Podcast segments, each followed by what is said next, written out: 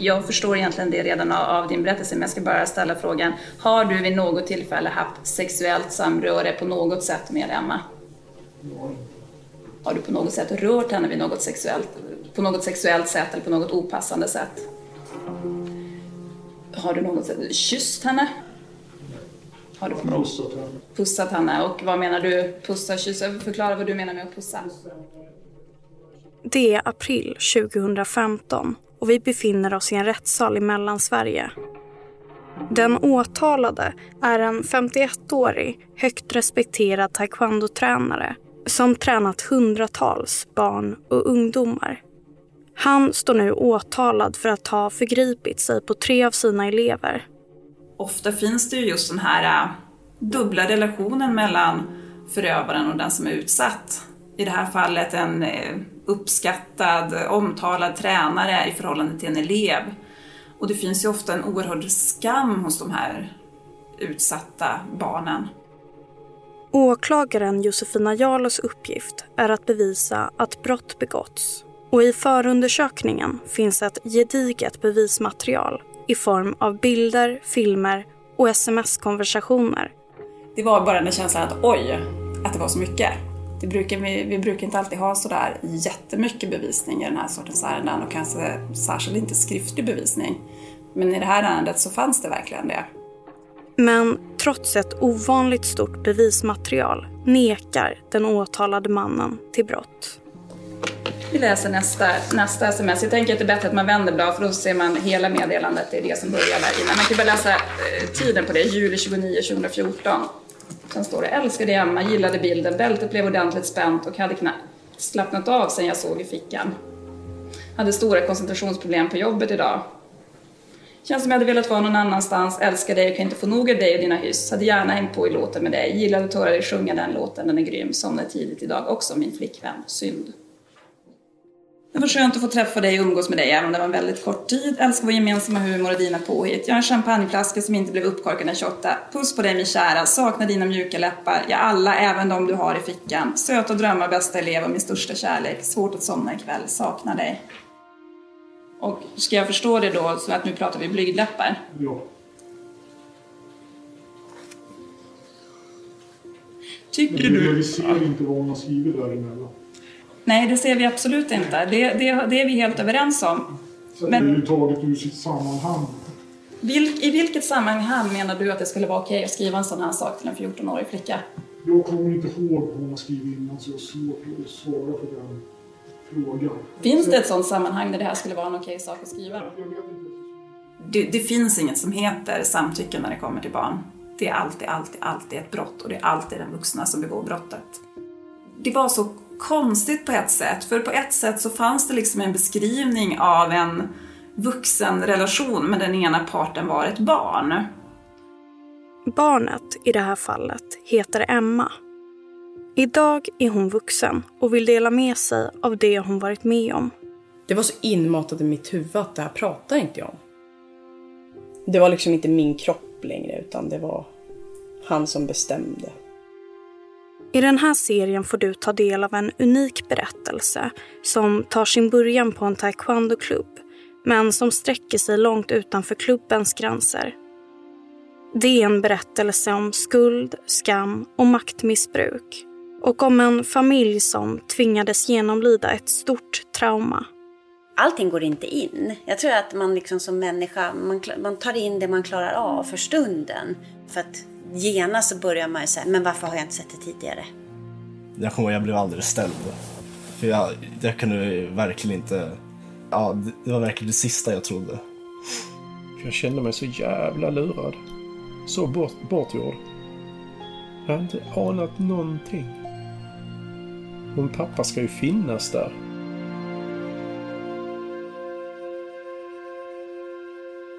Du lyssnar på podcasten Motiv om taekwondo-tränaren. En dokumentärserie i fem delar om sexuellt våld, grooming och maktmissbruk. Mitt namn är Ebba Adsenius. Del 1. Massagerummet.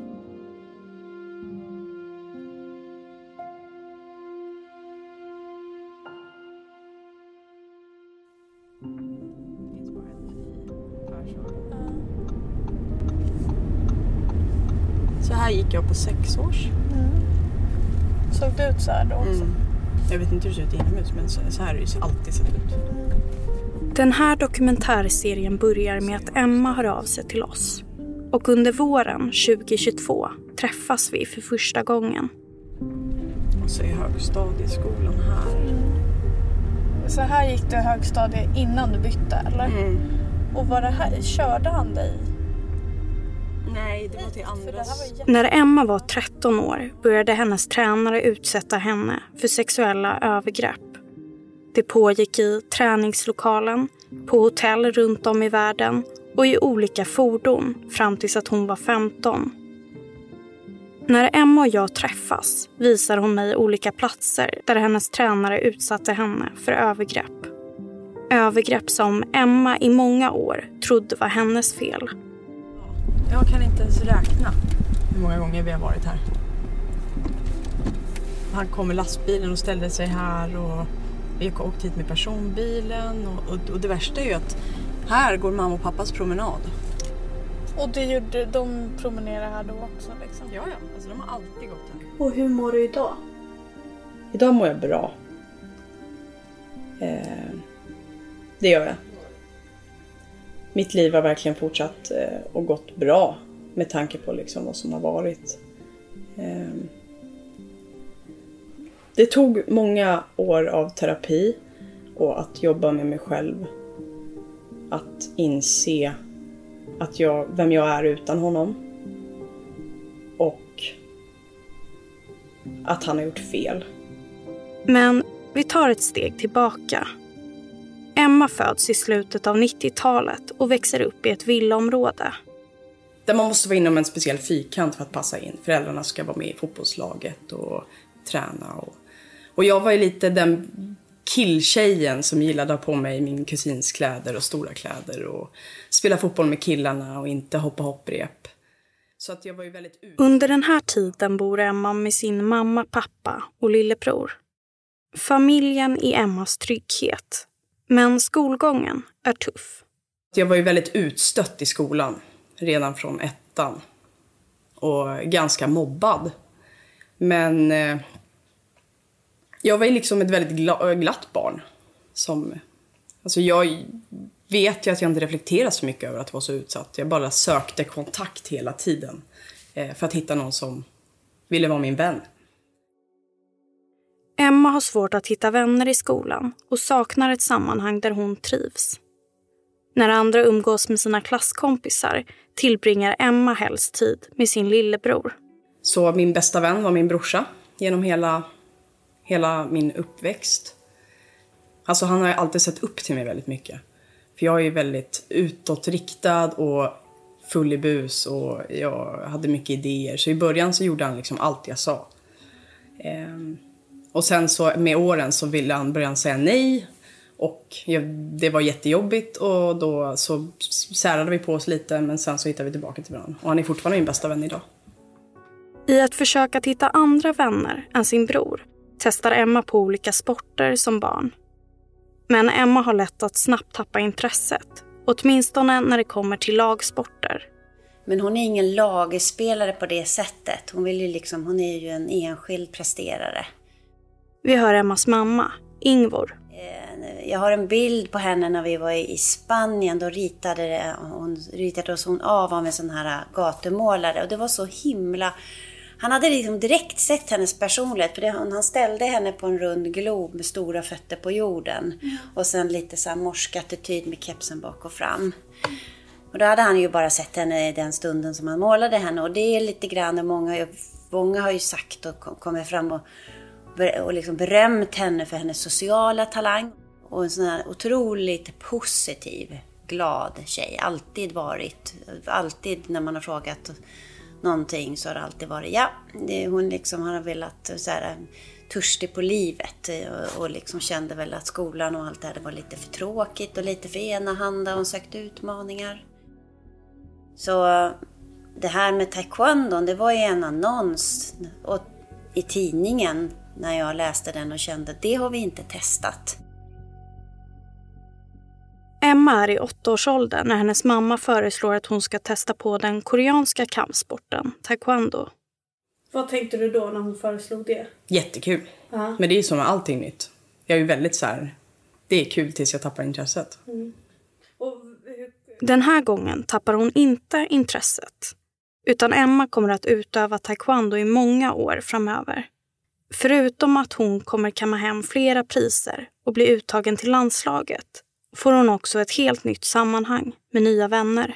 Ja, men det var lite det också som drog mig, att jag kom in i en grupp där jag varit accepterad. Och det fanns vänner och det var kul. Det var inte det här, ja men det där är Emma, hon vill vi inte vara med. Det var ju både strikt, för taekwondo är en väldigt strikt sport där det är, man ställer upp och man har händerna på ryggen och det är på kommando och man, så det är en väldigt militärisk sport. Så man lär sig väldigt mycket om, man lär sig väldigt mycket om disciplin. Taekwondo betyder foten och handens väg och är en kampsport som har sin tradition i den koreanska historien. Sporten ska främja individens psykiska och fysiska utveckling och den som tränar taekwondo ska lära sig att inte tillgripa våld mot andra människor. Men det är mycket lek också, så vi körde lite Hela havet stormar och vi stretchade och, och det var, ja, det var jättekul. Emma börjar träna i barngruppen två gånger i veckan och på sig har hon en vit träningsdräkt som kallas dubuk. Jag var ju fortfarande, jag vet ju att jag var väldigt eh, svår som elev i början. När de äldre personerna skulle komma för deras pass började, då skulle jag gå på toa för att sitta och prata med dem. Och, så jag var ju, det, var, det var ju väldigt kul och jag följde det ju inte så här till, i början. Jag var en del av någonting. Så det var ju det också som drog väldigt mycket, att jag var där. Och det jag ville också, det var ju att hon skulle få ett annat sammanhang än skolan. Att lite nya vänner, lite ett annat sammanhang någonstans, så att det blev lite balans. Annars var det bara skolan eller hemma. Vi hör Ingvor igen, Emmas mamma. Kanske ett halvår, sen var, tröttnade hon ju lite. Och vi kände bara, nej, det, det ska hon inte göra. Så då började ju Niklas själv.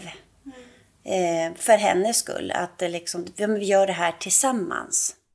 Efter ett tag så frågade Emma, men eh, pappa, kan, kan inte du också börja träna? Kan du eh, vara med i barngruppen och träna med mig och mina kompisar?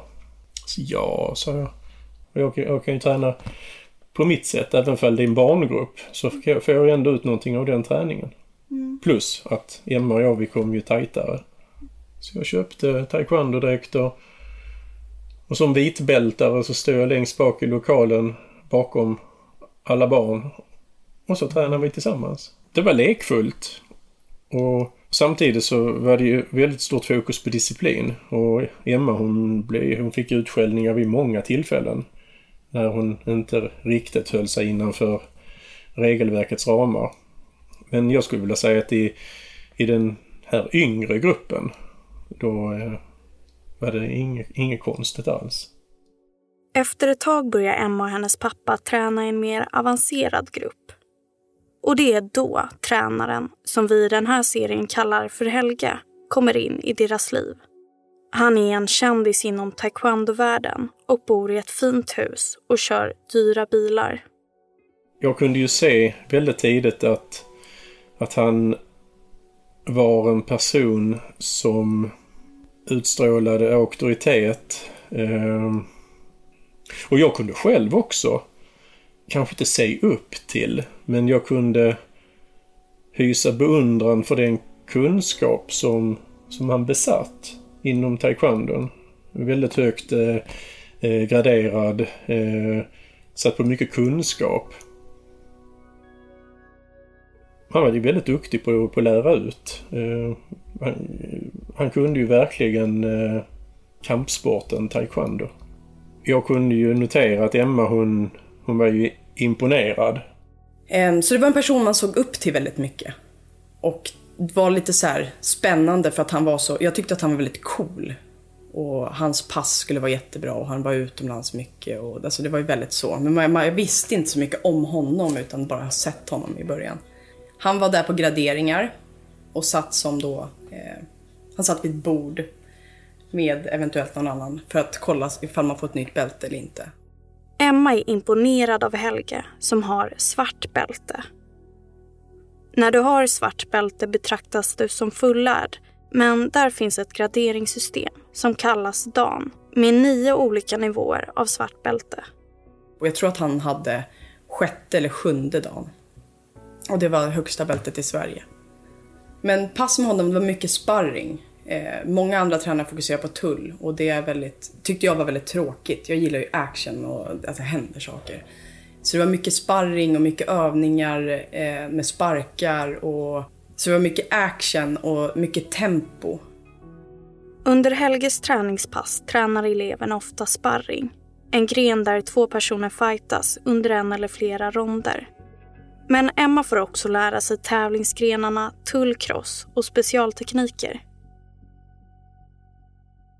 Helge är bra på att peppa och utmana sina elever. Men Emma ser också en annan sida hos honom. Nej, alltså, han hade inte så mycket empati om man, om man... Det spelar ingen roll om man spydde eller mådde dåligt. Man fick liksom inte ge upp. Men det tog jag som en del av, av grejen. Att om man vill bli bäst får man göra som han säger eftersom han var bäst enligt mig. Jag kommer ihåg hur vi skulle härda våra knogar. Eh, och golvet under mattan i taekwondosalen var gjort av betong. Så vi skulle sitta och slå ner i, i betonggolvet. Och jag kommer ihåg att jag blev så svullen så att jag visste inte vad jag skulle göra. Och då, så jag hade jätteont. Så jag gick fram till honom och så sa jag det att jag vill inte, kan inte slå mig, jag vet inte vad jag ska göra, jag är jättesvullen. Och att han tog min hand och bara tröck för att svullnaden skulle gå ner. Så det var väldigt, han var väldigt hård. Hade ett, eh, ett jävla humör. På vilket sätt märkte du att han hade ett jävla humör? Jag från 0 till 100 på två sekunder. Från ingenting till riktigt raseri. Mm. På ingen tid. Vägg i vägg fanns det ett gym.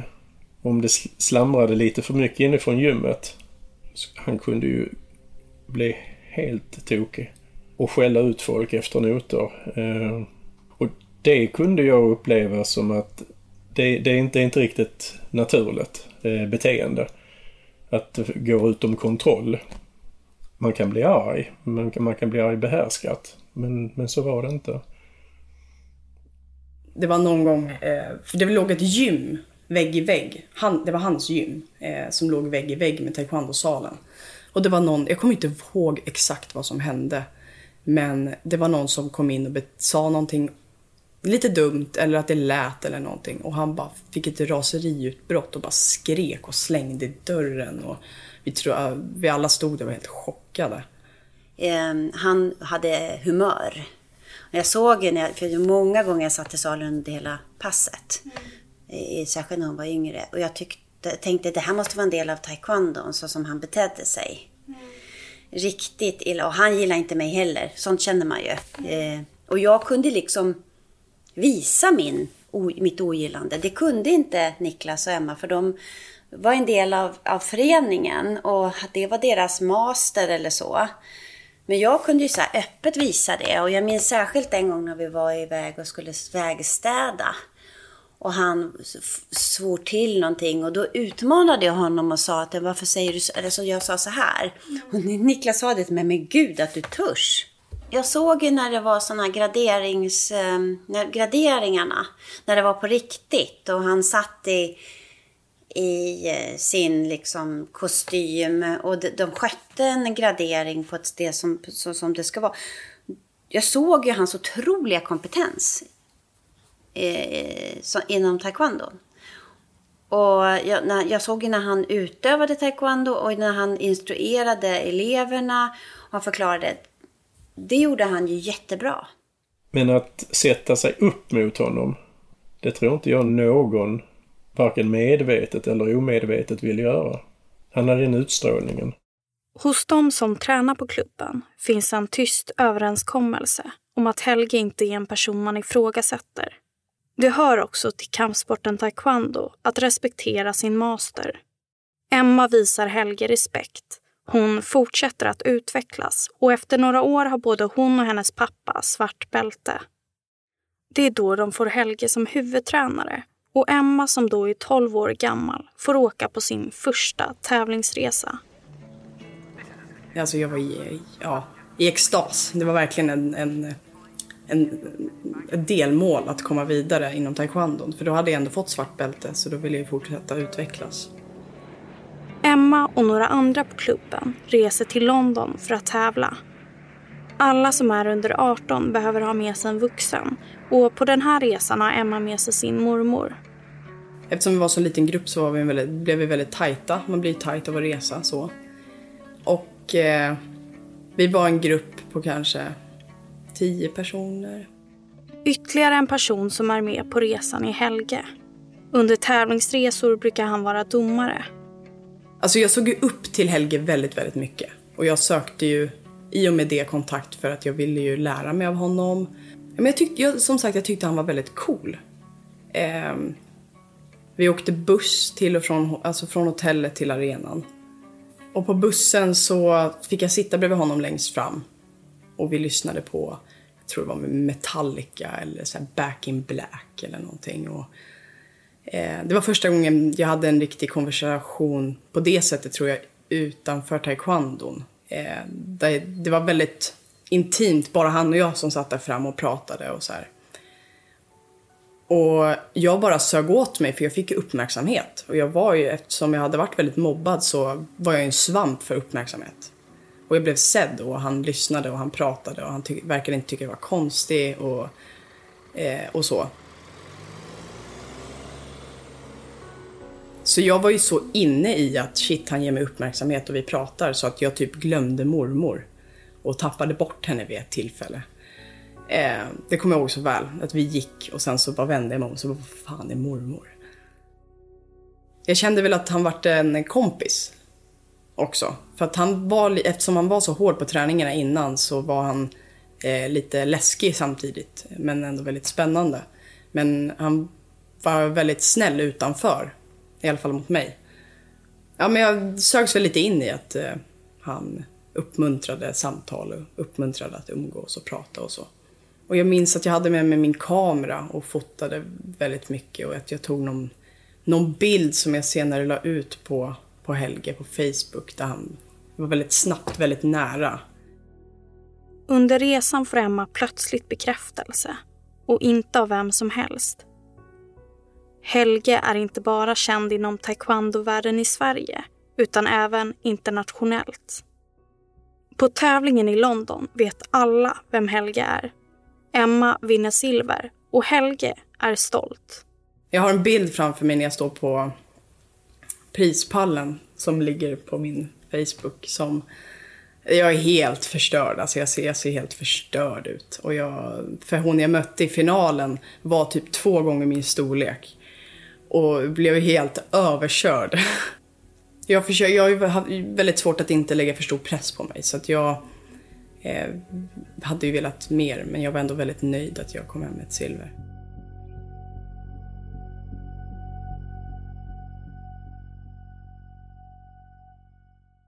Och sen kommer du hem från den här resan. Mm. Vad hände då? Jag hade ju... Jag har, eh, I och med mycket taekwondo-träning, det vart ju, eskalerade ju mer och mer, eh, så fick jag väldigt ont i min höft. Eh, och så fick jag lägga mig ner i taekwondo-salen. Eh, min pappa var ju med och allting. Så såg han, drog han i mina ben och så kunde han se att mitt ena ben var längre än mitt andra ben. Och att det här är ett väldigt vanligt problem som man kan få om man kör taekwondo. Och att han kan fixa det. Jag minns till och med rörelsen han gjorde för att fixa min höft. Det var bara en... Han lyfte benet och så drog han tillbaka det väldigt snabbt. Så när han drog då så skulle det komma ut så att de blev lika långa. Så väldigt, ganska ofta så blev det att, vi, att jag fick hjälp att fixa höften. Som innebär att vi gick in i massagerummet och han eh, lyfte mitt ben och så drog han det och snärtade någonting. Och sen vart mina ben jämnlånga och jag hade inte ont längre. Så det vart en återkommande grej som hände. Eh. Efter ett tag börjar Helga och Emma gå till massagerummet själva. Helga har sagt till folk på klubben att han är utbildad inom idrottsmassage. Att han hjälper folk med skador är därför inget som ifrågasätts. Sen så eskalerade kontakten, alltså i och med att vi pratade mer och mer och han gav mig mer och mer uppmärksamhet så vart jag ju mer... Jag har varit inne i det här, äh, shit, någon ser mig och någon pratar med mig. Och eh, allt mer så vart det lite prat när vi fixade höften och det vart ja, men mer och mer samtal helt enkelt. När Helge byggt upp förtroende hos Emma öppnar hon upp sig. Emma berättar att en vuxen man på klubben, som Helge känner, har tafsat på henne och skickat sms med sexuellt innehåll. Innan Emma berättar det här för Helge har hon pratat med kuratorn på sin skola och en polisanmälan har då upprättats. Det var den händelsen som jag ventilerade om till Helge då. Eh, där han fanns där som ett stöd och jag kände att han kände honom, jag kunde ventilera och han lyssnade och, och så. Men det var väl där kontakten med Helge upptogs ännu mer för att då fanns det en anledning till varför vi skulle träffas och prata, för att prata om det här. Så småningom döms den mannen för sexuellt ofredande. Han får påföljden dagsböter men fortsätter att träna på klubben. Um, även innan han dömdes så skickade Helge ett sms till den här killen och sa att jag är en vuxen person som vet om det här och du ska inte hålla på och skriva och så. En kort tid efter att Emma pratat med Helge om det som hänt börjar han själv utsätta henne för övergrepp. Det första övergreppet sker en kall dag under sportlovet 2013 när Emma är 13 år gammal och Helge är 49. Och allt börjar med att Helge och Emma går iväg till konferensrummet för att prata. Om vad kom, minns jag inte. Jag sa nog att jag frös. Eller att, um, på något sätt, att det var kallt. Um, så han frågade om jag ville gå in i det varmaste rummet i, som finns liksom i, i byggnaden. Um, det var då pannrummet. Längst bak i rummet så fanns det en, en dörr och så inne där var det massa maskiner och det var typ så betonggrejer och städsaker och som ett förråd typ. Men det var varmt där inne. Um... Jo men det började med när vi stod där inne, det vi pratade om var, eller han frågade mig typ, skulle du kunna duscha med mig? Och så svarade jag nej. Och så frågade han mig, eller det började mer oskyldigt. Skulle du kunna äta med mig? Och sen, skulle du kunna duscha med mig?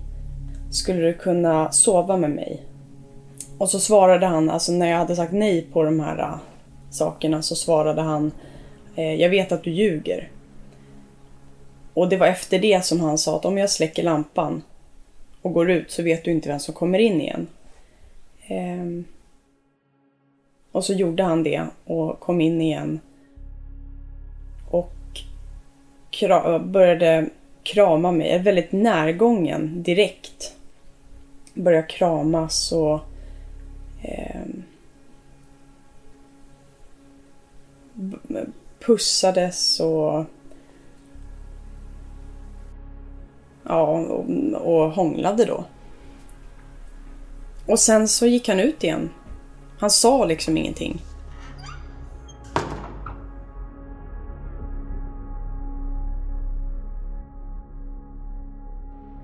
Jag tror att det var en, alltså väldigt blandade känslor. Eh, det, det, var ju en känsla av att känna sig speciell, alltså sedd. Eh, samtidigt som det kändes, alltså jag fick lite så klump i magen för det kändes ju inte bra. Men just det här äh, att känna sig speciell och speciellt med bakgrunden jag har haft så var det väldigt starkt just då. Ehm, men det var lite, okej okay, vad händer nu? Vad kommer nu? Alltså vad, vad kommer hända nu? Det här är bara början på övergrepp som kommer pågå under en lång tid. Efter det första övergreppet går allt väldigt snabbt. Efter sportlovet säger Helga att han ska fixa Emmas höft i massagerummet. Det var ju inte något nytt att vi var där inne eftersom han fixade min höft. Eh, I början när han fixade min höft då kunde jag taekwondo-kläder och sen så sa han att det var lättare om jag tog av mig byxorna och till slut så låg jag i trosor och bh typ. När Emma är ensam med Helge säger han att de nu är ett par och kan börja ha sex. Och Emma tänker att hon riskerar att förstöra sitt liv om hon säger ifrån. Ehm, jag minns att jag var väldigt rädd.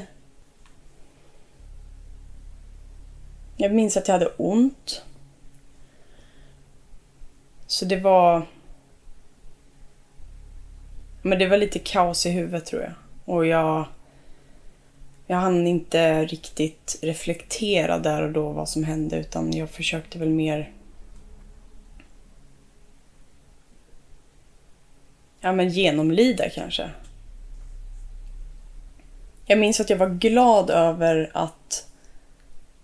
Och det är så sjukt att säga, men att han vill, valde att göra det bakifrån för att jag slapp titta på honom. Eh,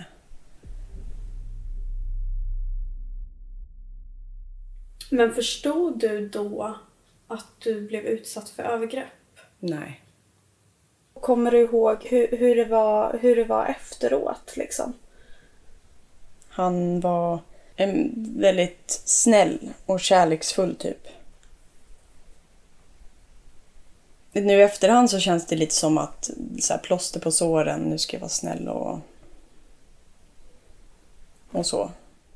Helge övertygar Emma om att det de har är speciellt. En kärleksrelation som övervinner allt annat.